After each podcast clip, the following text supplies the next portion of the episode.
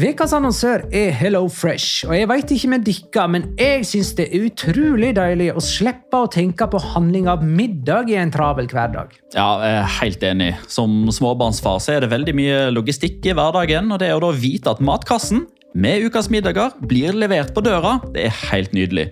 Da slipper du impulskjøp på butikken når blodsukkeret er lavt, og når du kommer hjem, kan du bare ta ut posen med dagens ingredienser fra kjøleskapet og sette i gang matlaginga. Ja, Du kan velge mellom 25 ulike retter hver uke. Og de har faktisk en egen kategori som heter Raskt og enkelt, med masse enkle og gode oppskrifter. Veldig greit å ikke måtte ty til takeaway hver gang det er hektisk på jobb. Jeg gleder meg spesielt til sterk chilikylling i min neste kasse. Jeg blir sulten bare av å tenke på det. Ja, Det er ikke feil med bacon og cheeseburger heller, da. Og det som også er bra, er at matkassen koster det samme hver uke, som gjør det enklere å holde matbudsjettet. Ja, og så blir det ikke matsvinn heller, fordi du får akkurat det du trenger til hver eneste rett. Hello Fresh kan absolutt anbefales, og bruker du koden vår, LIGALOCA, kan du få opptil 1779 kroner i rabatt på de fem første matkastene hvis du ikke har prøvd Hello Fresh tidligere. Du kan også prøve koden hvis du har avslutta abonnementet ditt for tolv måneder siden eller mer. Gå inn på hellofresh.no og bruk koden LIGALOCA. Bon appétit! Hallo? Jeg kommer fra Oslo politikammer. Ine Jansen er purk. Er du purk? The motherfucking bitch. Alt jeg vil, er å finne ut hva som skjedde med mannen min. Jon Carew. Er jeg sikta for noe? Iben Akeli. Det er du. Ole So, Lars Berrum og Big Daddy Karsten. Hvem sin side er du på, egentlig? Anette Hoff, Tone Danielsen, Kommer du fra Afrika? Jørnis Josef, Nesten. Kløfta. Trond Espen Seim. Det er synd å si det, men det var feil mann som døde. Purk. Premiere tirsdag på TV2 Play.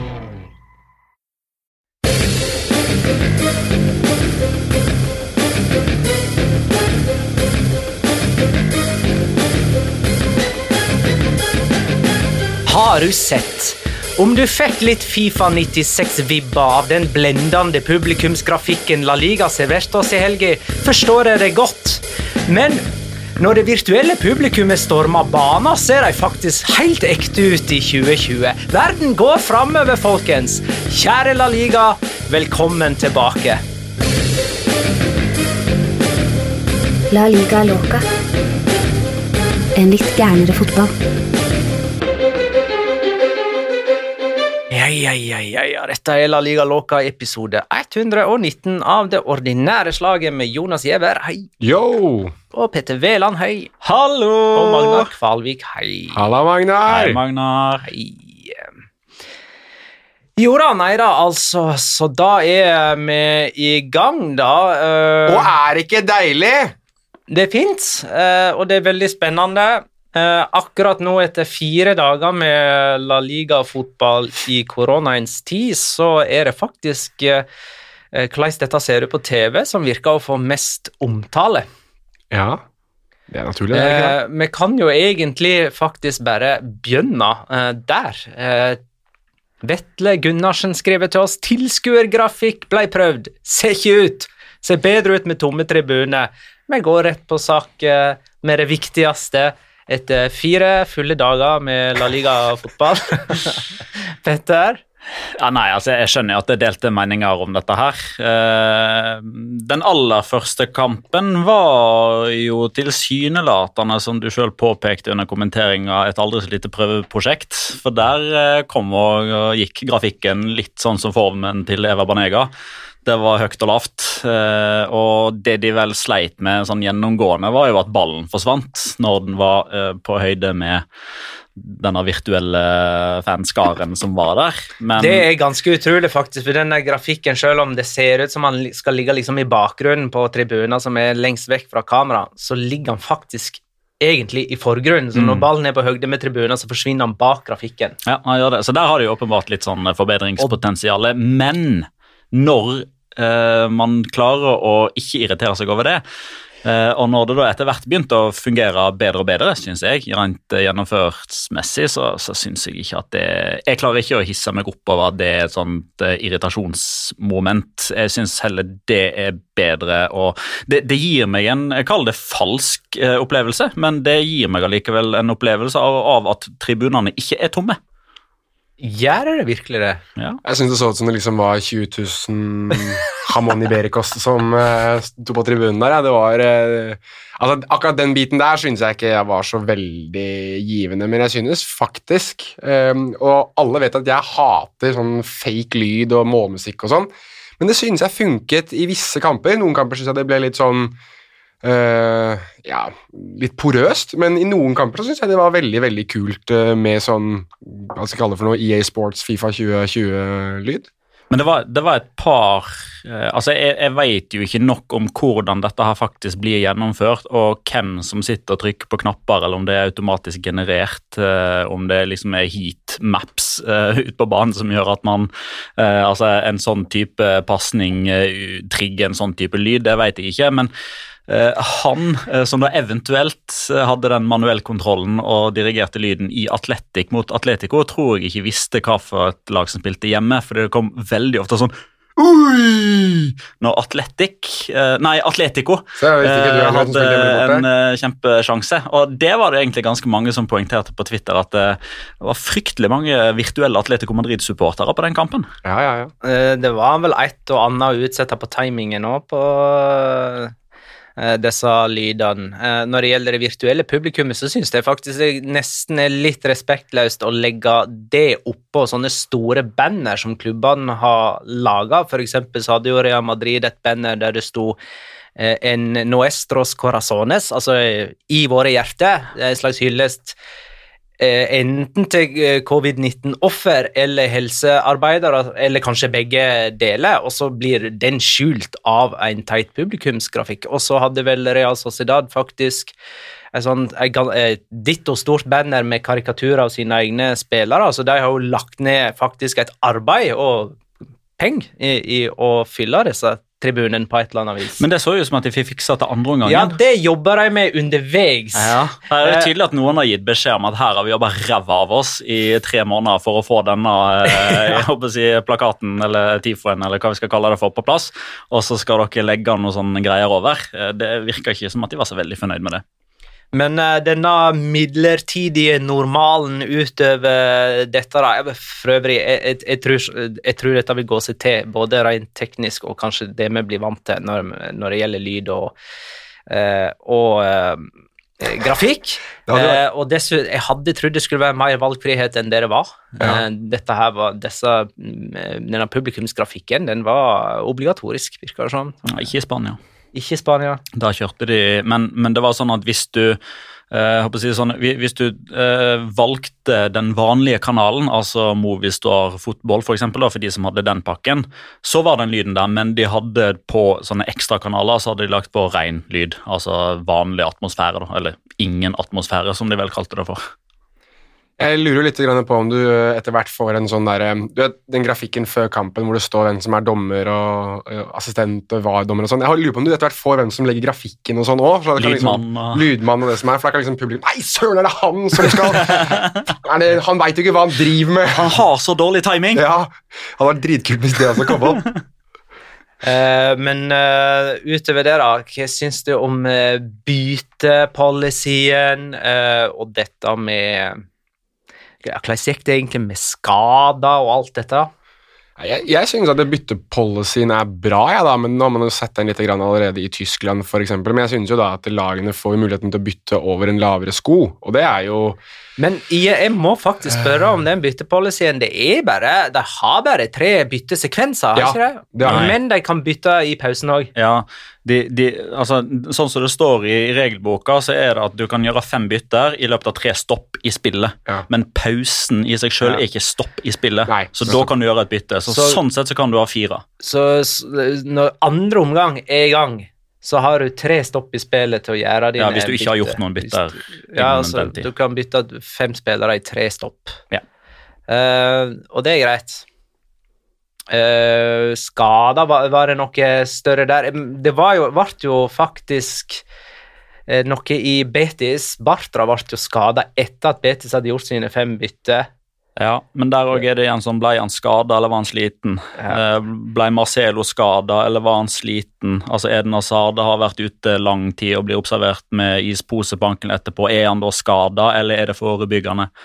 Eh, jeg syns det gikk bedre enn forventa, uh, sammenligna med de tallene som i hvert fall kom fra Bundesliga, da, som man igjen, da eh, Jeg sa jo det når vi diskuterte det i sin tid, at det var kanskje litt mye sånn skjær alle i hermetegnskader over én kamp for å få den statistikken til å se litt mer voldsom ut enn hva den kanskje burde, da. Og så var det jo litt spesielt å se Real Madrid spille på Valdebebas, eller Estadio Alfredo di Stefano. Eh, det blir vi sikkert òg eh, vant til. Og så er det vel først i løpet av de neste ukene vi liksom får eh, svar på om dette gjør noe med smitten, og om protokollene fungerer, og hvorvidt lag og journalister osv. faktisk klarer å følge disse protokollene. Eh, vi har jo en case i Mallorca her uh, denne veka. Den kommer vi jo eh, tilbake til. ja. Skal vi rett og slett snakke litt fotball og ta runde nummer 28 kamp for kamp, da? det er vel ikke det dummeste vi gjør. Det begynte med Sevilla mot Real Betis på torsdag. Skal vi se, hvilken dato var det da? 11. Mm -hmm. juni. Uh, Sevilla Betis 2-0. Sevilla er nummer tre og har altså da sleget byrivalen sin i begge oppgjør denne sesongen. Lucas og Campos med mål i fem seriekamper på rad. Favorittspilleren til Jonas. Hei, den første siden Jaha? ja, ja, ja. ja, ja okay. Noen favorittspillere må du ha. Det er han og Cristiano Ronaldo. Det er Heiberg. Oi, wow! Ja, nå er jo Nordin Amrabat borte, så Det er jo så å si Da kan jeg jo skyte ned at Lucas Campos i sin tid ble kalt for den argentinske Cristiano Ronaldo, ja, så nå treffer du bra. Uh, han er den første siden Negredo som skåra i fem seriekamper på rad for uh, Sevilla. Negredo hadde jo uh, fire mål i Altså, han, hadde, han skåra i de fire siste i 10-11-sesongen og i de to første i 11-12-sesongen. Mm. Så dermed må jo Lucas Ocampos være den første på ganske så veldig lenge som skåra i fem seriekamper på rad i en og samme sesong for Sevilla. Uh, Real er Andalusias svakeste lag i premiera. De er åtte poeng bak Granada. De har seks poeng færre enn 28 serierunder eh, forrige sesong, under Kikki Setien. Eh, Kikki vet det hva? Ja, vet du. Eh, Granada Chetaffe 2-1. Eh, Chetaffe i jakt på fjerdeplass. De tok ledelsen, men eh, ga den uventa nok eh, fra seg. Det er første gang på nesten tre år at de taper en kamp de leder. Lurer på om det var ni, 984 dager eller noe sånt. Altså nesten 1000 dager siden sist. Ja. Det skjedde i september 2017. Uh, dermed så er altså Granada nummer ni, Retafe nummer fem. Poenget bak Real Sociedad uh, på uh, tabellen. Og 41 poeng etter 28 serierunder. Det er Granadas beste gjennom historien. Ja, en morsom ting til. Bare Barcelona har flere hjemmeseiere enn Granada. Ja, Det er ganske utrolig hva de får til der nede. altså. Tenk det. Granada. Tenk det. Jeg forbinder Granada med Tony Adams-dansing, liksom, og nå er det over, eller ved Det må nevnes, apropos Tony Adams, for en herlig sjølironi han hadde mot slutten ja, av ja, covid-19-perioden. Ja, når han, var, var, det familien han samla og kjørte den samme varianten? Den Birit-dansen sin? Ja, 4-4-informasjon. Hadde fått en mann utvist, så jeg. Riktig. Nei, men den, den, skal han ha kred for, faktisk. Han, jeg tror han har skjønt selv at han har blitt en slags meme-karakter, i, fall i Spania. Så det, um, all ære til Tony Adams for den. Jeg tror ikke Gary Neville har samme humor, for eksempel, på hans hva da, hva ble det for noe, 8-0 eller 0-8-tap mot uh, Barcelona. Jeg har sett og hørt Gary Neville med en viss sjølironi eh, i den anledning, faktisk. I hvert fall sjølransakelse. Ja, det kan du òg si. Det skulle bare mangle. Skal vi gå til Valencia da, da? Valencia levante 1-1. Dette var fredagskvelden. Valencia tok ledelsen ved Rodrigo Moreno i det 89. minutt og klarte å slippe inn på straffe i det åttende overtidsminuttet. Det er ingen som slipper inn straffemål så seint som Valencia. Uh, gjennom hele La Liga-historien. Jeg tror det her er to seneste straffebaklengser. Det har det, og det er begge denne sesongen. Begge denne sesongen. Det var vel i det ellevte overtidsminuttet mot Real Sociedad i seriepremieren. Er død, skatt og at Mukhtar Jakabi driter seg ut. Altså. Det er de tre tingene du er garantert i livet. Han er nå jeggu litt uheldig. Ok, det er Nei, han er, ikke, han er en uh, gjøgler. Det er det han er. Han og Elakim Mangalas. Det er et eller annet med at siden det gjentar seg så ofte med Diakabi, så blir ikke det tilfeldigheter lenger. Nei, det men det, det ser veldig tilfeldig ut, det der. da. Ja, men, men, og, men nå har jo til og med Altså, Til og med treneren hans har liksom gitt han opp og kastet han under bussen nå. Altså, Det er sjelden jeg har opplevd en trener på det nivået som har vært liksom så direkte, så kvass og så skyldutdelende mot en enkeltperson. Og liksom, Det skjer igjen og igjen. Vi prøver å korrigere, men det skjer igjen og igjen. Han har kosta oss avansement, han har kosta oss poeng, han har kosta oss Champions League. Altså, Albert Celades Sa Celades ja, dette? det gjorde han. Etter, på den virtuelle såkalte pressekonferansen etter kampen så kasta han Mokhtar Dikaby så til de grader under bussen at jeg tror det tar lang tid å grave han opp igjen. Det gjorde i grunn Sillesen under kampen òg, for han slo dobbelt så mange pasninger til den urutinerte Guillamon eh, som han slo til Diakaby i, i spill. Men det var lyspunktet for Valencia. Ja, han var altså. bra, altså. Giamon er jo god. Ja, ordentlig, ordentlig god. Så det er Det eh, stoppa makkeren til Diakaby i denne kampen, for de som måtte lure. Eh, Valencia er nummer sju, bare fire poeng bak eh, fjerdeplassen, med negativ målforskjell. Det er ganske, altså Jeg må jo bare få sagt det sånn um, For Valencias del å være i hvert fall i diskusjon rundt Champions League-plass på bakgrunn av det der midtstopperparet deres, altså, og både skader og at de er en gjeng med gjøglere, og at det er ting som foregår utenfor banen. altså I hvert fall i forbindelse med Ezekiel Garay som sitter og griner tolv minutter på Instagram over hvordan hans krangel med Valencia har ødelagt hans lyst til å spille fotball, eller noe i den duren. Mukhtar Jakabi og Elakim Mangala som er knoll og tott, og så har du eh, Gabel Paulista som eh, er Gabel Paulista, og så har du Guillamon da, som er den ene som ser ut til å faktisk kunne, ville og ønsker å spille fotball for Valencia eh, i det midtforsvaret. Det er ganske vanvittig, eh, og spesielt da når man håper vel som Valencia-supporter at det skal kjøpes minst to midtstoppere når overgangsvinduet åpner igjen også. Ivan? Montes, blant annet. Ja. Gå videre til Español Alaves. Første kampen på lørdagen. Ja, Det føltes deilig å endelig få blåst litt ut av om Valencia igjen. Det, er- nå er fotballen ordentlig tilbake. Mulig du kan få gjøre det litt seinere òg. Ja, ja, men du, altså dette er bare starten, Magne. Español Alaves 2-0. Espinosa og Voley tilfredsstilte det kinesiske publikummet lørdag ettermiddag med hver sin skåring, og dermed så er bunnlaget Español bare tre poeng fra trygg grunn. Eh, De kan altså bli historiske som de første som overlever i Primera etter bare å ha tatt elleve poeng i løpet av første halvdel av sesongen. Du vet nå, Magnar, nå er de delt serieleder i Spanjol. Ja, Det er det nå. For eh, de siste- de elleve finalene som Ja. gjenstår. Ja, ja, ja. Delt serieleder nå. Full pott etter én kamp. Celta Vigo Villarreal 0-1. Manu Trigueros med et seint eh, seiersmål for Villarreal, som faktisk kan nevnes i forbindelse med en topp fire-plassering nå. De tar fjerdeplassen, de nå. Ja, Hør på han her som har snak- snakka om nedrykk nå i to Nei, år. altså, bare, bare, skal bare passe på at han ikke jinxer det. Magnar det- ønsker Viareal aldri noe godt. Okay, ja. Dette var jinxen. ok, ja. Bra. Nei, men Kanskje jeg klarte å antimane litt her nå? Jeg vet ikke om, Nei, det klarer jeg ikke. Du er jo sjaman uh, sjaman Magnar, du. Det, Villarreal de har tatt 12 poeng mer enn etter 28 serierunder forrige sesong, og er laget med størst framgang uh, denne sesongen her, sammenlignet med forrige. Det er jo det er ikke overraskende at vi alle trodde de kom til å kjempe i nedrykksstriden denne sesongen. Jeg må, jo, jeg må jo spørre Petter, da. Eh, trodde du at Carlos Bacca skulle knekke sammen på slutten der når han vandret gjennom Han gjorde jo det. Ja, Men trodde du sånn oppriktig at at Jeg trodde han skulle knekke sammen litt tidligere. Ja, nettopp. Celta Vigo har tre seire på 16 kamper etter at Oscar Garcia overtok, og ligger poeng over nedrykksstreken. Husker dere at vi snakket så mye om hvor fantastisk spennende de så ut til første kampen sin mot Barcelona, var det vel? Da de liksom var som lam til slakter, men egentlig så veldig gode ut. Tror det var Neste Valverde som trente Barcelona da, men at liksom Celta hadde Wow, her ser det ut som det er noe spennende. Det greiene der har røket rimelig kjapt, da. Jeg syns det er så øh, altså negativt fascinerende at Robi og Oscar Garcia ikke klarer å få mer ut av de offensive kreftene som er i Betis og Celta Vigo. Altså Nå har Celta Vigo gått målløs av banen i tre på rad. Jeg tror de har skåret ett mål de siste fem. Altså Med Aspas altså Bryce Mendes får ikke spille engang. Dennis Suárez får ikke spille.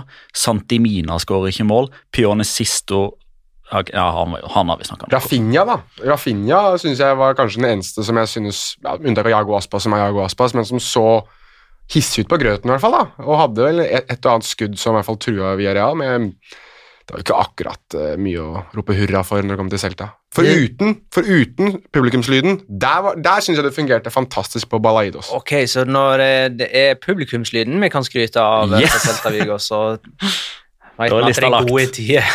Leganes Valladolid 1-2. Det er jo en utbredt bekymring for Leganes uh, å stå der nå, uh, etter at de mer eller mindre ble tvinga til å selge både Enesiri og Breathwaite i januar. De ligger nest sist og taper her hjemme mot et lag som det føles de må slå i den situasjonen de er i. Mallorca-Barcelona 0-4. Barcelona kom raskt i gang med skåring etter 65 sekunder av eh, Arturo Vidal. Breathwaite han er jo Barcelona-spiller, han og Han skåra sitt første eh, Barcelona-mål og spilte hele kampen. Det var Antoine Griezmann som ble bytta ut da Suárez brått var tilbake. Eh, Jordi Alba skåra til 3-0, og Messi fikk sitt mål på overtid. To målgivende og én skåring på Messi. Atletic, Atletico Madrid 1-1. Monjain sendte Atletic i ledelsen. Diego Costa utligna minuttet etter. Begge mål i første omgang. Eh, triumfen på Anfield er den eneste borteseieren til Atletico Madrid i 2020. De er nå oppe i 13 uavgjort i La Liga denne sesongen, åtte av de på bortebane. Eh, Real Madrid Eibar 3-1. Tony Cross ble første målskårer i La Liga på Estadio Alfredo di Stefano, eh, som for øvrig er den hundrede stadion som blir tatt i bruk i premiera. Mm. Eh, akkurat som i deres forrige møte med Eibar, så leda Real Madrid 3-0 til pause. Ramos skåra den gangen òg, eh, og i denne gangen her så var det altså Cross og Marcelo som eh, skåra i hver sin ende av Ramos sitt mål, for å si det sånn. Han skåra imellom dem. Eh, Real Sociedad og Sassona 1-1, siste kamp i denne runden. Et uvanlig tamt eh, Real Sociedad klarte så vidt ett poeng. og Sassona tok ledelsen på straffe ved Adrian Lopez før Oyarzabal utligna. Eh, og Real nei, Osasuna hadde jo store sjanser på slutten her til å vinne kampen. Real Sociedad var nummer fire før kampen starta, og er jo der fremdeles, da, selvfølgelig, men brukte ikke sjansen til å skaffe seg ei luke. Alexander Larsen oppsummerer runden sånn. Diakobi kosta Valencia poeng. Messi med en normal dag på jobben. Atletico spiller uavgjort. Casemiro slipper unna rødt kort. La Liga er tilbake. Eh, skal vi prøve å hjelpe Stefan Laksa med følgende spørsmål? Hvilket lag imponerte mest etter oppstarten, og hvem skuffa mest? Jeg syns vel egentlig svaret på det første spørsmålet sammenfaller egentlig litt med hvem som var de store vinnerne denne serierunden, og for meg så er det Sevilla og Español. Eh, Både Altså, Sevilla er jo den store vinneren i kampen om Champions League. Español den store vinneren i bånn, fordi det var de eneste lagene som kjemper om de respektive tingene som vant. Så er det vel kanskje Español eh, som utkrystalliserer seg mest i mine øyne, egentlig litt pga. situasjonen. Eh, ja, de får jo naturligvis masse hjelp av at Fernando Pacheco i løpet av disse tre månedene har glemt at det ikke er lov å ta ballen med hendene utenfor 16-meteren sin. Det nevnte ikke jeg engang. Det var morsomt. Ja. Han kom utenfor 16 meter, ball spratt over han, han tok ball med hendene, og valgte like godt å bare holde ballen og springe med han i fanget utenfor 16 meter. Han skjønte at slaget var tapt. Ja, Der var ikke det særlig protester.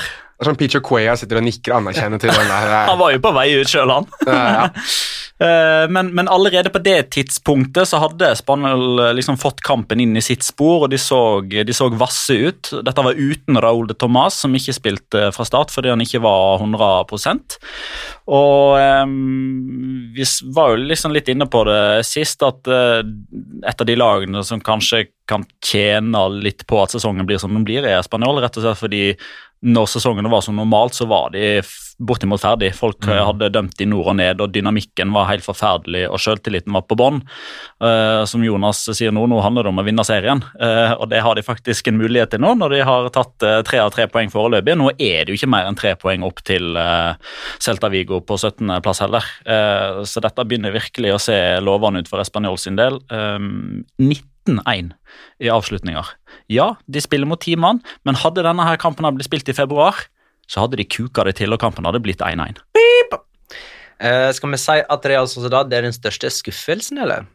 Det er jo i alle fall en av dem. Jeg er helt enig med Magnar. Jeg synes, men jeg syns samtidig også at eh, Jeg nevnte det altså, Før sesongen starta og snakket om Osasuna, så sa jeg at eh, det de har i Jakob Arrazate, er en trener som klarer å få det derre det, der eller det uavgjorte-resultatet på bortebane, som får det ene poenget du kanskje trenger for å overleve. Altså Han er en ringrev, og det viste han veldig i den kampen her, hvor jeg synes at laget og Sasona er bedre enn noe enkeltindivid i den kampen her.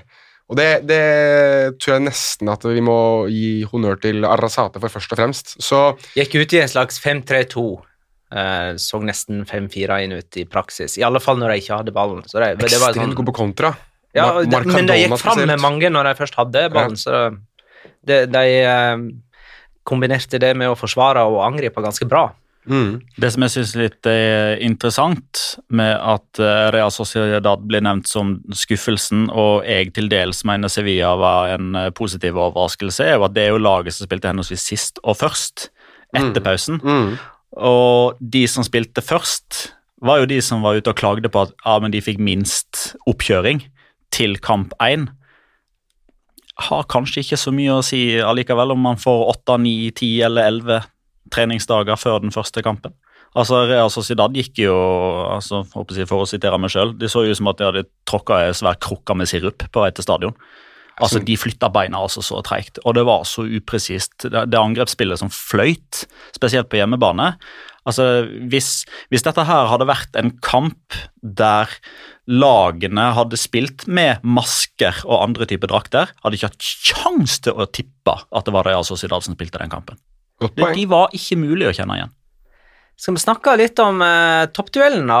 Eh, det er jo Det står mellom eh, Barcelona og Real Madrid, dette her. Det er to poeng mellom dem i favør av eh, Barcelona. Andreas Hellenes spør Bortebanestatistikken har vært Barcelona sitt store ankepunkt i titteljakten. Vil folketomme tribuner øke Barcelona sine tittelmuligheter ytterligere? Det tror jeg. Eh, nå husker jeg ikke hvem det var som skrev det, men jeg så det på Twitter. Og Andreas Hellenes. Jeg, ikke- ja, han skrev spørsmålet. Audun Hallen Berge, tror det var. Du, vet- hva jeg skal fram til her nå? Ja. at det, det er ikke hjemmesupportere på Mm. de kantene som gjør at det blir jo mye mer nøytralt, som gjør at det, det hjemmelaget som skal slå nedenfra og opp, ikke har den der støtten i ryggen. Så hvis det var han som skrev det, så Ja, jeg mener det var det. ja, Da skal han ha kreden for det. Men jeg synes det var et veldig veldig godt poeng. For det er jo gjerne sånn det er, spesielt på de små, intime arenaene. At du har hjemmesupporterne i ryggen og kanskje klarer å få det ene poenget. da. Typ sånn som Osasone hadde den der- der vanvittige rekken sin med, der de ikke tapte på hjemmebane. Og Barcelona er vel kanskje ikke et sånt lag som eh, nødvendigvis blir løfta så voldsomt fram av disse 98 000 på kamp nå heller. Det er ikke liksom eh, et vanvittig trøkk der inntil Barcelona sjøl skåra. Nettopp. Det er jo litt sånn det er på de der gigantstadionene. At, men, men Jo, kanskje, men kanskje med unntak av som Audun skrev, da, Ja. eh, så, så kan dette virke motsatt for Atletico Madrid, som eh, gjerne Altså, du har jo en Diego Simione som springer rundt Ja. og hauser opp publikum på Wanda Metropolitano. Jeg er litt spent på om han kommer til å bruke benken som fans. At han kommer til å liksom løpe bort til de og liksom er orkestrere de. Det er et godt poeng. Men det har vi faktisk sett sånn rundt omkring, at de eh, reservene som sitter på tribunen, faktisk er litt sånn oppildnende og, og Ja, Sid Lowe eh, hadde jo vært på Botarque og sett Leganes Valladolid, en av de få journalistene som fikk akkreditere seg inn der. Og han hadde liksom det inntrykket av at det hadde de liksom bare bestemt seg for, at vi skal være den tolvte mann. Men jeg mener jo strengt tatt, da. det, Da kan du jo nevne The Spanish Football Podcast, da, for det var sikkert der han nevnte det. da. Ja. altså, Vi må jo bare få skutt inn da, at hvis det her skal være sånn eh, benken skal være den tolvte mann Altså, ingen ikke, ikke prøv å komme med et tolv argument. der, jo! Ingen slår Mono Burgos og Nelson Vivas på det der.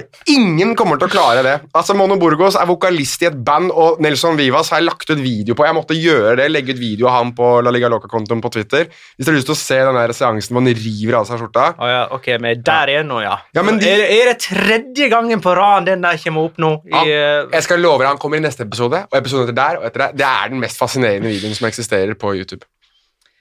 Gå tilbake igjen til Barcelona, da. Vi var jo egentlig der. Det. De eh, vant eh, Og de har jo også- 4-0 de har- borte mot Mallorca. De har jo også en sånn oppildner på, på benken sin, og glemmer jeg alltid hva han heter. Men han eh, assistenten til uh, Kiki Setien har jo Ja, fått ja, mye Sarabia. Eda Sarabia. Ja, Eda Sarabia. Han har jo fått veldig mye pepper for at han er så veldig på, da. Jo, det gjorde han jo faktisk, ja. Ja. For det, det Men det var jo fordi han var så krass og negativ og Ja, det var noen mikrofoner som fanga opp et eller annet som han sa. på Ja, og leppeleser. Ja, nemlig. Ja. Det var jo før eh, korona. Det, det er jo en bransje som ikke har det så veldig bra om dagen, leppelesere. Det trengs jo ikke det nå lenger. Nå hører man jo alt som blir sagt. Nettopp. Tilbake igjen til denne Barcelona. Vi vil ikke Kan du, det, Magne. du, ikke, altså, du må forstå, Magne, vi har hatt så abstinenser for å snakke om fotball som skjer, at vi, nå, nå tar vi alt. Ja, uh, og her er enda litt mer. Ja, Eh, takk. Ter Stegen spilte jo i praksis midtstopper uh, når Barcelona hadde ballen, og slo flere vellykka pasninger enn noen keepere har gjort på 15 år, og da tror jeg at det var da Oppda begynte å føre statistikk på det, så det er sikkert mye lenger tilbake enn som så. Han hadde 64 vellykka pasninger. Ehm, ser man på Skal vi Før vi Jo, Messi. Han hadde en liten skade her før denne kampen. Det var litt sånn at Barcelona-supportere holdt eh, pusten før oppgjøret. Uh, Det er alltid sånn. Alltid sånn. Å, Messi har en liten skade, og så, og så er han bare trollmannen, liksom. jo, men ah, kan han holde uh, dette programmet gående nå? Det er et veldig godt spørsmål. Kan jo være en idé å spare han hjemme mot Leganes Det er nok et kveld, for eksempel. Mm. Og det tror jeg man kommer til å se veldig mye av med de litt mer rutinerte spillerne. At uh, sånne kamper som det gjør at de, det, er- hviles de når kampprogrammet er så tett. Joaquin starta på benken for Betis. Casorla ble tatt ut etter en time for Villarreal. Mm. Ja, det tror jeg er et veldig godt poeng. Uh, Real Madrid da, de slo altså Eibar um, med 3-1, og det med Assar tilbake. Eh, inntrykk? Av Hazard eller av kampen? Ja, altså, ja, både òg, egentlig. Jeg vil jo egentlig da, hvis jeg skal faktisk gi noen skryt som har fått en del sjenanse her av oss altså Karim Benzema ser jo tidvis ut som den franske Michael Laudrup i den kampen her. Altså Han er jo helt outstanding i det oppbyggende spillet og det å sette Altså Det er han som spiller gjennom Azad, som spiller gjennom uh, Sergio Ramos på blank kasse, men mye av de bevegelsene til Karim Benzema altså sharp ut, ass. Han så ut som han virkelig hadde lyst til å bevise noe på topp der. og jeg han er kanskje ikke den mest målfarlige spissen, og det sier jeg, det er jo selvfølgelig paradoksalt nok at han har skåret vel, er vel toppskåreren til Real Madrid denne sesongen her, men han har kanskje aldri vært den som skårer mest, men når han får lov til å gjøre det han gjør i den kampen her, med å finne rom og være den som linker opp spillet, så er han world class, altså. Og da, mm, tidvis så, så av en som har sittet og sett veldig mye sånn gamle Danmark og både Barcelona og Madrid-kamper, så fikk jeg sånn Michael Laudrup-vibbe av link-up-spillet hans. Så jeg syns han egentlig var eh, man of the match, selv om veldig mange har lyst til å snakke om, om Eden Hazard, og det skjønner jeg, fordi han så jo ut som han var litt mer motivert enn at det var halv pris på Big Mac på nedi gata, liksom. Um, Jo, men Det var litt interessant å se den der link-upen de to mellom Benzema og Hazard. Uh, fordi det var litt sånn, Når, uh, når Luis Suárez kom inn for Barcelona, Mm. så så du òg at da var Messi veldig opptatt av at han skulle få han i gang. Ja. Eh, Veldig ofte han så etter Suárez, spilte ballen til Suárez. Så jeg tror litt av oppgaven til Benzema, som den rutinerte mannen han er, som er så god til å gjøre lagkameratene gode og spille på styrkene deres, jeg tror han blir veldig sentral i det å hva skal jeg si da, hjelpe Eden Hazard til å bli den beste utgaven av seg sjøl av det som gjenstår av denne sesongen, her, før han på mange måter er klar til å bruse med egne fjær eh, neste sesong. Så, og de snakker, på, de snakker jo samme språk utenfor banen òg. Begge er jo fransktalende. Nettopp. Jeg mener å ha hørt at Zinedine Zidane var veldig fornøyd med formen til Gareth Bale gjennom denne perioden, men han fikk ikke starta, han fikk en eh, halvtime. Og klarte å pådra seg en, en sånn eh, halv skade. Han var jo en av de som ikke trente eh, i dag sammen med Edna Hazard. Som I dag, fikk denne- Ja, som fikk denne isposen. Ja. Eh, Marcelo som eh, jeg vet ikke, var det sånn lite heteslag på gang da. Plutselig han ble litt eh, svimmel og mm, jeg, å si, var litt ustø der, og var tydelig ikke så veldig eh, jeg, tilfreds med sin egen fysiske form de siste ti minuttene der. Eh, Sergio Ramos ble bytta ut med noe små plukk, og Gareth Bale var som sagt heller ikke på trening i dag. En såkalt sobrekarga, altså en overbelastning. Så det skal jo ikke så mye til da før Gareth Bale blir overbelasta. Fun fact, Bale er den spilleren som har spilt flest kamper uten å tape i årets La Liga. Men det er mange uavgjorte. Eh, sju. Ja. Åtte seire. Jeg tenker Gareth Bale sånn belastningsmessig burde vurdere en annen sport, kanskje golf f.eks. Jeg tror det kunne vært fint for kroppen og helse og ja. Mm. Eh, Real Madrid har Valencia hjemme på torsdag. Er ikke det riktig? Jo. Så det er to heimekamper på rad. ikke sant? Ja. Og så Real Sociedad borte på søndag. Mhm. Så på papiret så er dette ei ganske tøff uke. Eh, Barcelona har nevnt møte først Leganes hjemme tirsdag kveld. Så får jo da en, eh, en test borte mot Sevilla på fredag, da. Eh, igjen så har vi jo snakka om det, den fordelen de de kanskje har eh, ved at det er tomme tribuner. Sevilla òg ville kanskje liksom ha vært en kjip plass å besøke hvis det var liksom 45 000 der, da. Mm. Men mens du er inne på eh, Barcelona-kampen, og vi snakket litt om, om spillet som forløp seg på eh, banen, det var jo noe annet. Jeg vet ikke om noen har lyst til å ta det i et senere segment, men jeg synes jo Du var inne, innom det i introen din, eh, Magnar. Denne virtuelle eh, supporteren som vi skal snakke mer om senere, eh, får jeg beskjed om her. Han Vi eh, hadde en banestormer, altså. Vi hadde en banestormer, men det er kommet mer på ham nå. Jeg vet ikke om du har fått med det, du som skal snakke om han etterpå. Petter. Jo, jeg har nok fått det med meg. Hvis ikke, så kan du gjerne fylle på. Mm. er en Petter har mer om han. Det er en gråtende mor, blant annet. Har jeg sett. Yes. Nydelig. Da, da er jeg covra. Da skal jeg holde kjeften min. Banestormer i Argentina-drakt som klarte å ta en selfie med Alba, i alle fall. Ja. R- Riktig høyde da på de to spillerne han forvekslet, forveksler, tydeligvis. Venstrebeinte. Det er de òg. Uh, nei, men da tror jeg eh, jeg eh, runder av uh, topp- uh, eller tittelkampdiskusjonen vår så langt med følgende fakta. Sist gang Real Madrid vant La Liga uten å toppe tabellen med ti serierunder igjen, var i 06-07-sesongen. Remontada-sesongen. Ja, det må jo nesten være eh, noe sånt av Den gangen så var de nummer tre. men- Fem poeng bak Barcelona og tre poeng bak Sevilla, Ja. og vant til slutt. Men den sesongen blir vel kalt remontada-sesongen ikke fordi man kom tilbake fra å være nummer to eller tre, men fordi man snudde så veldig mange kamper på slutten av sesongen ja, ja. og dermed òg vant La Liga. Skjønner. Remontada. Eh, skal vi ta og snakke litt om den mystiske eh, kampen om eh, fjerdeplassen, da? Det mener jeg du, Jonas, hadde litt lyst til å gjøre, ettersom de lagene som kjemper om den plassen, Real Sociedad, Atletico Madrid, Valencia og Getafe, alle avga poeng. Mm. Eh, og som Petter har vært inne på, så, så var jo dette en kanonrunde for Sevilla, som da befesta sin, pos sin tredje posisjon. Sin tredjeplass. Ja. ja, litt merkelig språk. Eh, og vi har egentlig allerede snakka om Real Sociedad, men en ting til som jeg syns kan nevnes, det er jo det at de slipper inn eller lager veldig masse straffer for tiden. Samme hvor uheldig de er. eller Normand fikk vel Fikk ikke han karakter null i en eller annen avis? Jo, det gjorde han. For eh, antagelig for den hendelsen. Det er nok litt strengt å bare nulle den fullstendig Ja. av den, da. Men det, det er ofte litt sånn man gjør når man setter børs i, i Spania. Så sånn, har man vært høyt oppe, så er man høyt oppe. Har man eh, vært langt nede, da er man langt nede. Fikk han ny kontrakt nylig òg?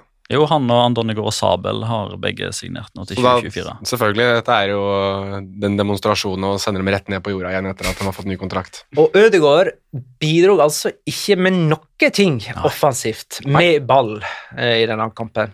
Og ett veggspill der med Porto og en sånn stikker til Saldoa eh, som kom på overlapp, men ellers så var det Jeg skrev det på Twitter rett etter kampen. Dette er det svakeste jeg har sett av Martin Ødegaard i Real Sociedad-drakt. Eh, og så får man jo selvfølgelig da med norske øyne håpe at dette bare var en, en sånn kamp der ingenting stemte. Det var ikke så veldig mange av lagkameratene som var gode heller, at, uten at det er noen form for unnskyldning. Eh, men samtidig så er det jo sånn at eh, i et patriotisk forsøk på å finne en forklaring til kanskje det, hvorfor, kan være, hvorfor det kan være sånn, er jo at han er jo en av veldig få spillere i Real Sociedad som ikke hører hjemme i San Sebastian, i, i mangel av eh, bedre bruk av ord. Altså, Enten så er man baskere, eller så er man spanjoler og har fortsatt vært i hjemmekarantene i eget land.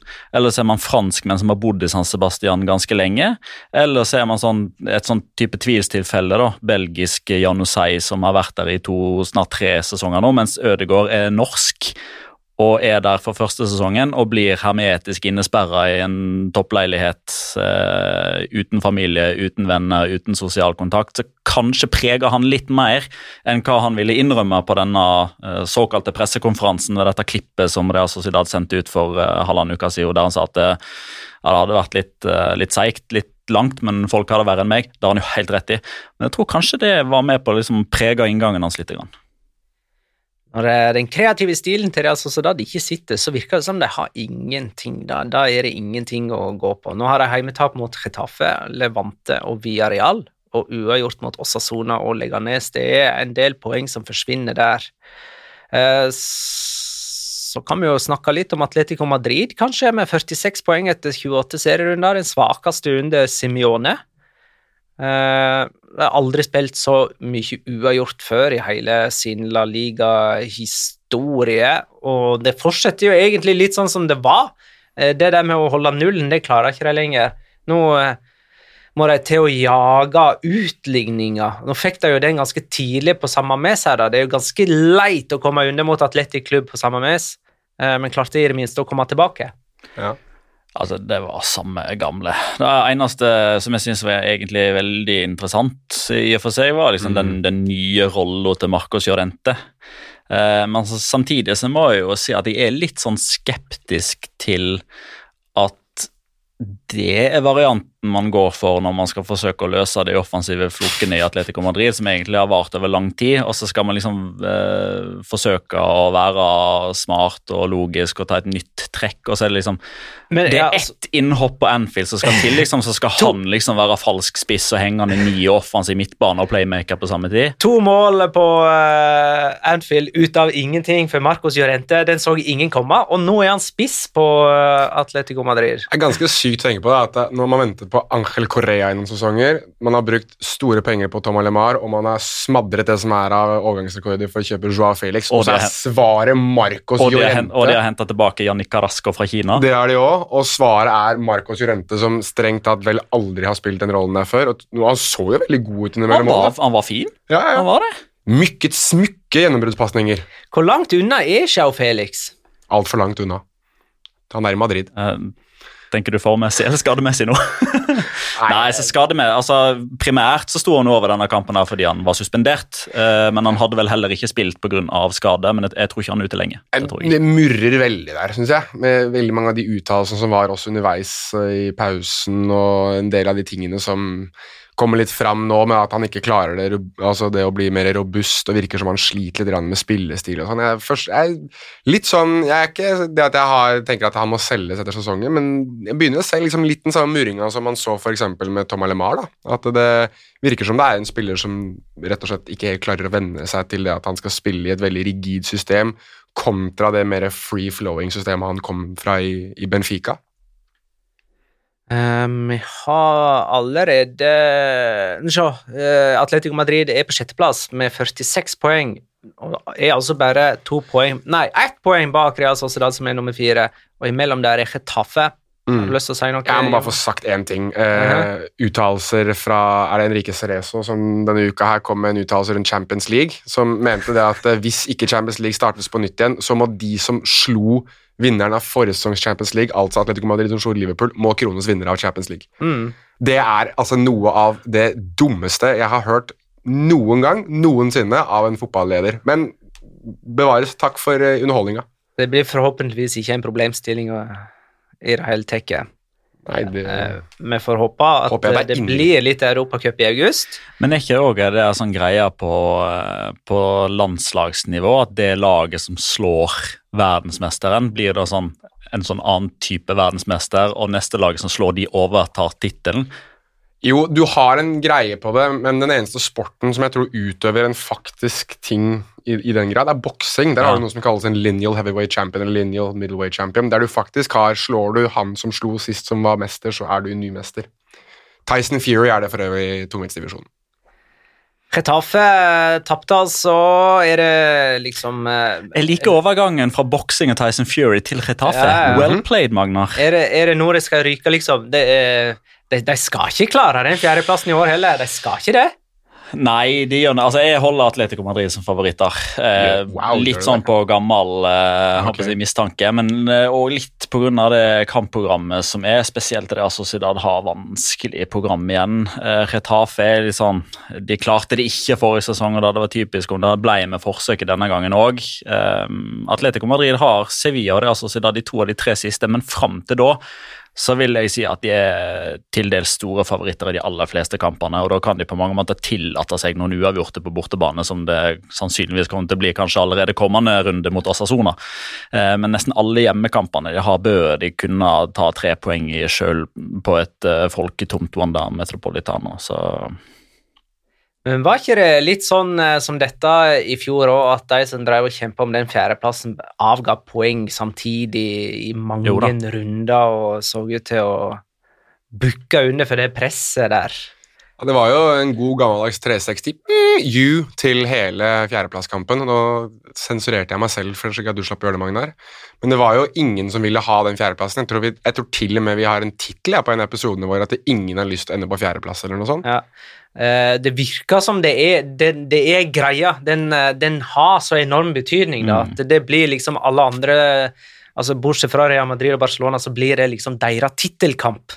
Eh, og dermed så stort at de blir shaky av det. Vet du hva jeg hadde gjort hvis jeg hadde vært en mann med beslutningsvedtak i f.eks. Retafe? Henta inn Kristin Størmer Steira. Altså kompetanse på å bli nummer fire. Altså bare ja, gå all in der. Kommentar, Magnar? Nei. Uh, hadde du lyst til å si noe om Valencia, uh, en siste ting om Valencia, så har du muligheten nå, for de hører òg til i topp fire-kampen. Nei, jeg er drittlei hele dagen, jeg. Så det Nei, altså, for all del de, Det Real Madrid som er neste motstander torsdag Er ikke det torsdag kveld? det? Ja, det er vel, det er vel allerede da vi eliminerer de fra kampen om fjerdeplassen, er ikke det det? Ja, det er, du, er, verste er at du har sikkert ikke feil, men det er litt sånn lam til slakteren-feelinga hvis de skal spille med Diakabi og Mangala eller Diakabi eller Mangala. Det er Så eh, Diakabi kan jo ikke spille nå på torsdag etter, Ja, men skal etter spille den da? høvlinga. Giamon? aleine, hva? Ja, er, er Mangala? nesten, Mangala? nei, vet du hva, da veit jeg ikke om jeg kommer til å være med neste mandag. Javi Jimenez?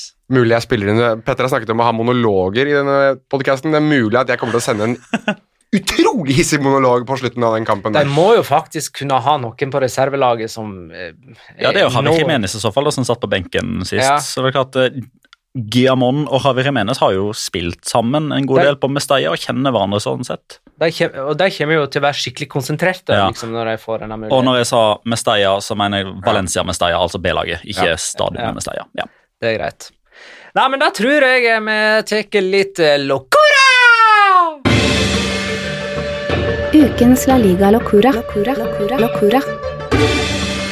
La Liga Locura. Ja, Etter La Ligas eh, 28. runde. Tenk at vi skal ha Locora igjen, folkens. Det føles jo nesten som eh, det er en Tre måneder siden sist, altså. Nesten som en episode av La Liga Loca. Det her. Mm. En helt ordinær en. En helt ordinær en. Mm. Er det noen som har lyst til å begynne? Skal vi ta denne Mallorca-banen? Ja, vi, vi kan jo bare ta det, da. Altså, jeg, jeg synes jeg, altså, Banestorming generelt syns jeg er et fenomen som har forsvunnet mer og mer. Eh, det kan godt hende at det skjer like hyppig, men det er helt åpenbart at alle produsere og redaktører har fått beskjed om at dette blir sensurert. Altså Før så var det jo sånn at man zooma inn på denne stakkars banestormeren, og så kom det en rugbytakling, og så var det god TV. Og Jimmy Jump og alt dette her. Men, men nå, nå tar Twitter den jobben der. Ja. Eh, nå får ikke vi se det på TV, men det kommer på Twitter. Hun der er ja. i badedrakt som sprang i en eller annen Champions League-finale. Ja, det var vel i Kiev, var ikke det det? Nei, det tror jeg faktisk var nå sist. Var det ikke Ja, det? da, er det to, da er det to på rad i så fall. Det, det var ikke den forrige. Var det ikke det? Nei. Men husker du det var det? Jeg mener Real Madrid spilte, altså. Jeg lurer på om det var Real Madrid-Liverpool i i Ja, Kiev. tror jeg jo. Kinsey et eller annet, heter det i hvert fall. Og det trengte ikke vi å nevne, faktisk. Nei, jeg, jeg, jeg, jeg er den som eh, ansatt i Nettavisen, så det er ikke rart at jeg vet det. For å si det mildt. For det, den saken der gikk som uh, Ja. Men dette var altså Varmt ikke ei dame i badedrakt, men en gutt i argentinadrakt. Ja, en fransk mann, faktisk, eh, som har eh, bodd på Mallorca eh, hele sitt liv, eh, for å sitere han sjøl. Eh, det er jo en ung gutt, eh, dette her, som, eh, som forguder Messi, og som hadde da tegna denne datoen i rødt eh, i kalenderen når eh, terminlyset kom. Eh, og så hadde jo hele denne drømmen egentlig fått et skudd for baugen fordi kampen da skulle gå for tomme tribuner. Dette hadde han planlagt lenge, sa han, men han skulle jo liksom gjøre det når kampen egentlig skulle bli spilt i mars.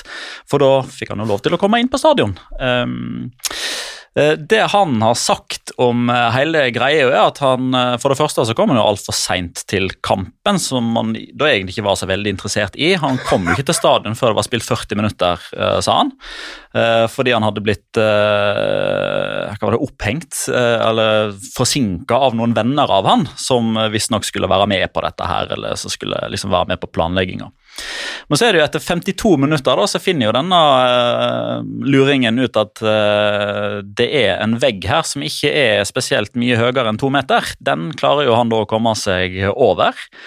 Uh, og, men når man kommer seg over uh, den betongmuren, så er det fortsatt ganske langt til uh, banen. For dette, det er jo ikke en tett og intim stadion, dette her. Eh, Så sikkerhetsstyrkene som da står på motsatt side, ser jo at her er det noe som er i ferd med å skje. Eh, Så de mobiliserer jo, eh, men de, de kan jo ikke løpe inn på banen før han har løpt inn på banen.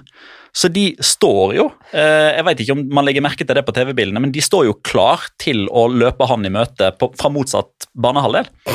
Eh, og så Han har jo ett mål for øyet, og det er Messi. Men så løper han forbi Jordi Alba. Eh, og så, Shit, her er jo Jordi Alba! Så, så da begynner han å ta en selfie med han. Uh, før han da setter kursen mot Messi og roper 'Messi, Messi, kan jeg ta et bilde?' kan jeg ta et bilde?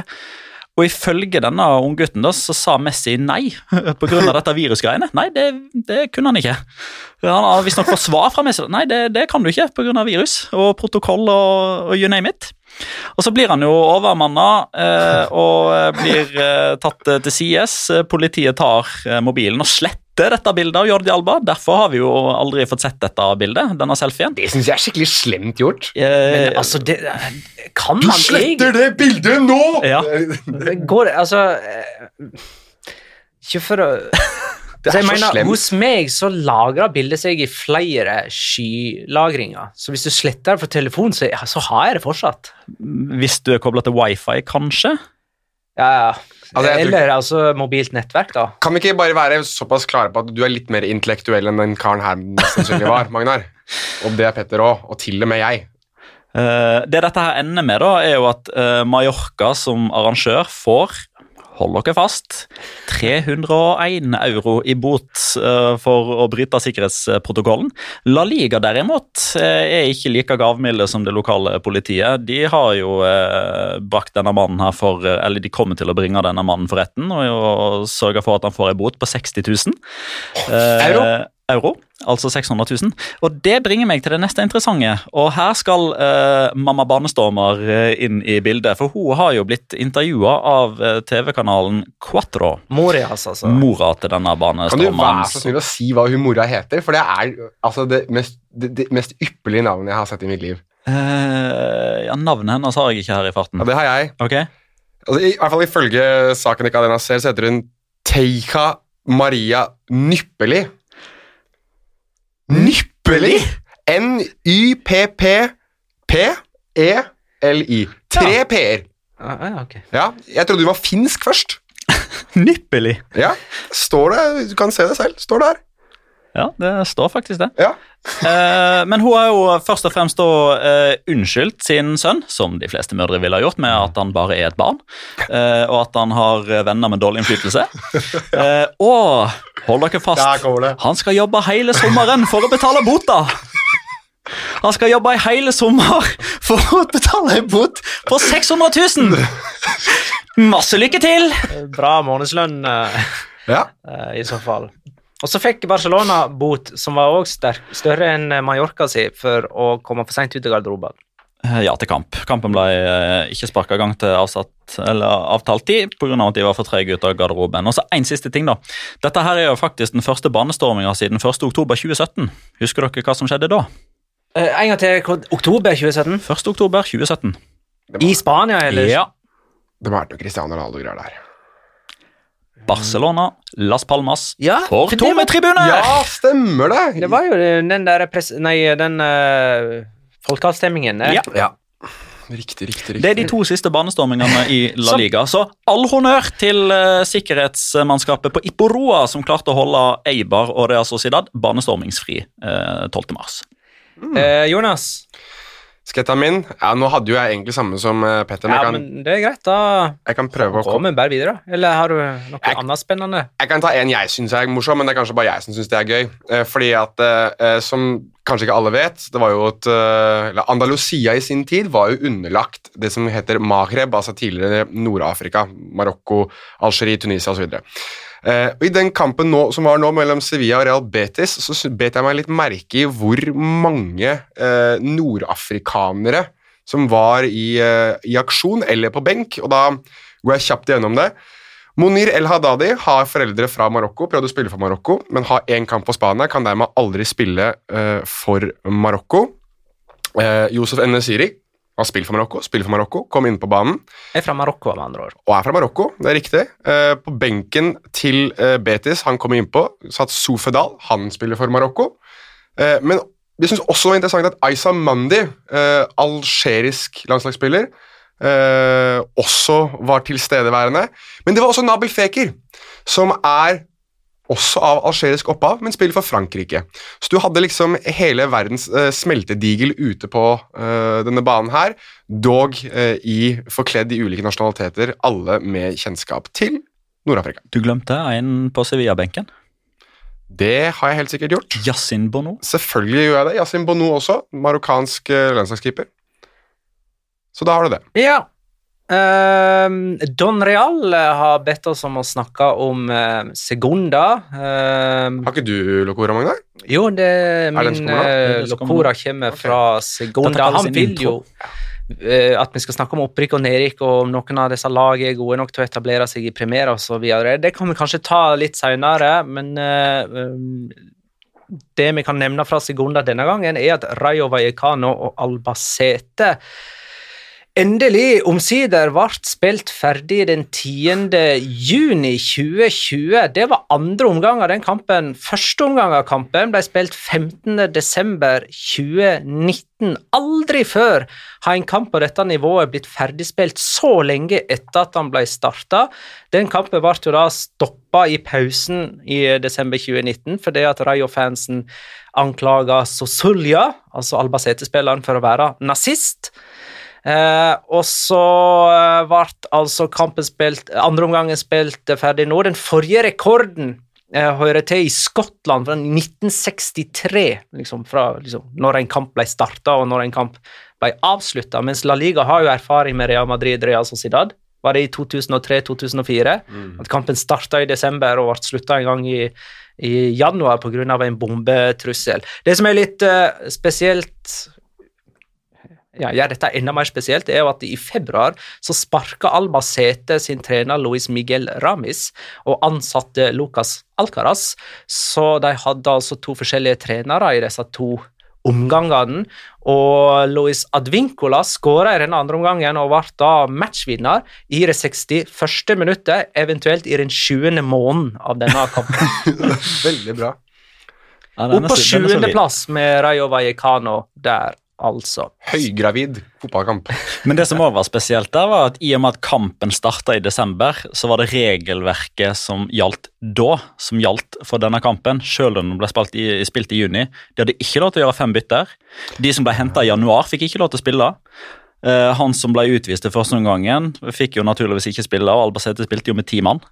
Så det var litt sånn uh, Ja, uh, fra og med i morgen så kan dere gjøre fem bytter, men ikke i dag, for denne kampen her blir egentlig spilt i 2019. Skal vi tippe? Vi må jo nesten det. Forrige kamp det var Sevilla mot Real Betis. Der hadde Petter 2-1 til Sevilla og Luke de Jong som første målskårer. Det blir ett poeng. Nei, jeg hadde Luke de Jong som første straffeskaffer. Ja, riktig. Men du får bare ett poeng likevel, Okay. for du hadde heimeseier. 25 poeng er du på. Takk. Eh, jeg hadde òg 2-1 til Sevilla med Enesyri som første målskårer. Jeg får òg da ett poeng og har 24. Jonas hadde 3-0 til Sevilla med Lucas Ocampos som første målskårer. Da får du ett poeng for den heimeseieren og to poeng for Lucas Ocampos. Tre poeng, altså. Du har 22. Så nå er det 25, 24, 22 i denne tippekonkurransen. Jeg har pekt ut Real Sociedad Real Madrid søndag klokka 22 som neste Tippekamp. Ok,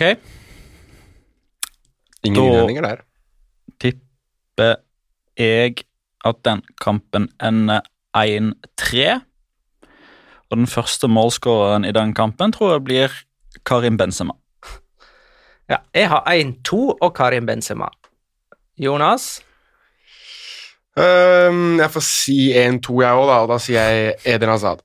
Ja, kjempekamp å tippe på der, altså. Det kan hende alle får null poeng her, da. Det er jo gode sjanser for heimeseier, sånn tross alt. Men eh, ingen tok den sjansen. Syns du det er det? Yep. Det er i alle fall heimepoeng. Ja, det er jeg med deg på. Nei, men det er greit. Har vi noe mer, har vi, noe mer vi har på hjertet da? Nei. Vi er ferdig. Ok. Eh, og jeg er tilbake neste mandag. Hvor mange La Liga-runder som har blitt spilt da, det er jeg faktisk ikke sikker på. Eh, men flere. To. Ja, To runder. i alle fall to. Hvis jeg har blitt ferdig. Har vi ekstra lang episode neste gang, da, Magne? Nei. Nei. Den er grei. Notert. Ok! Tusen takk for at du lytta, kjære lytter. Ha det, da.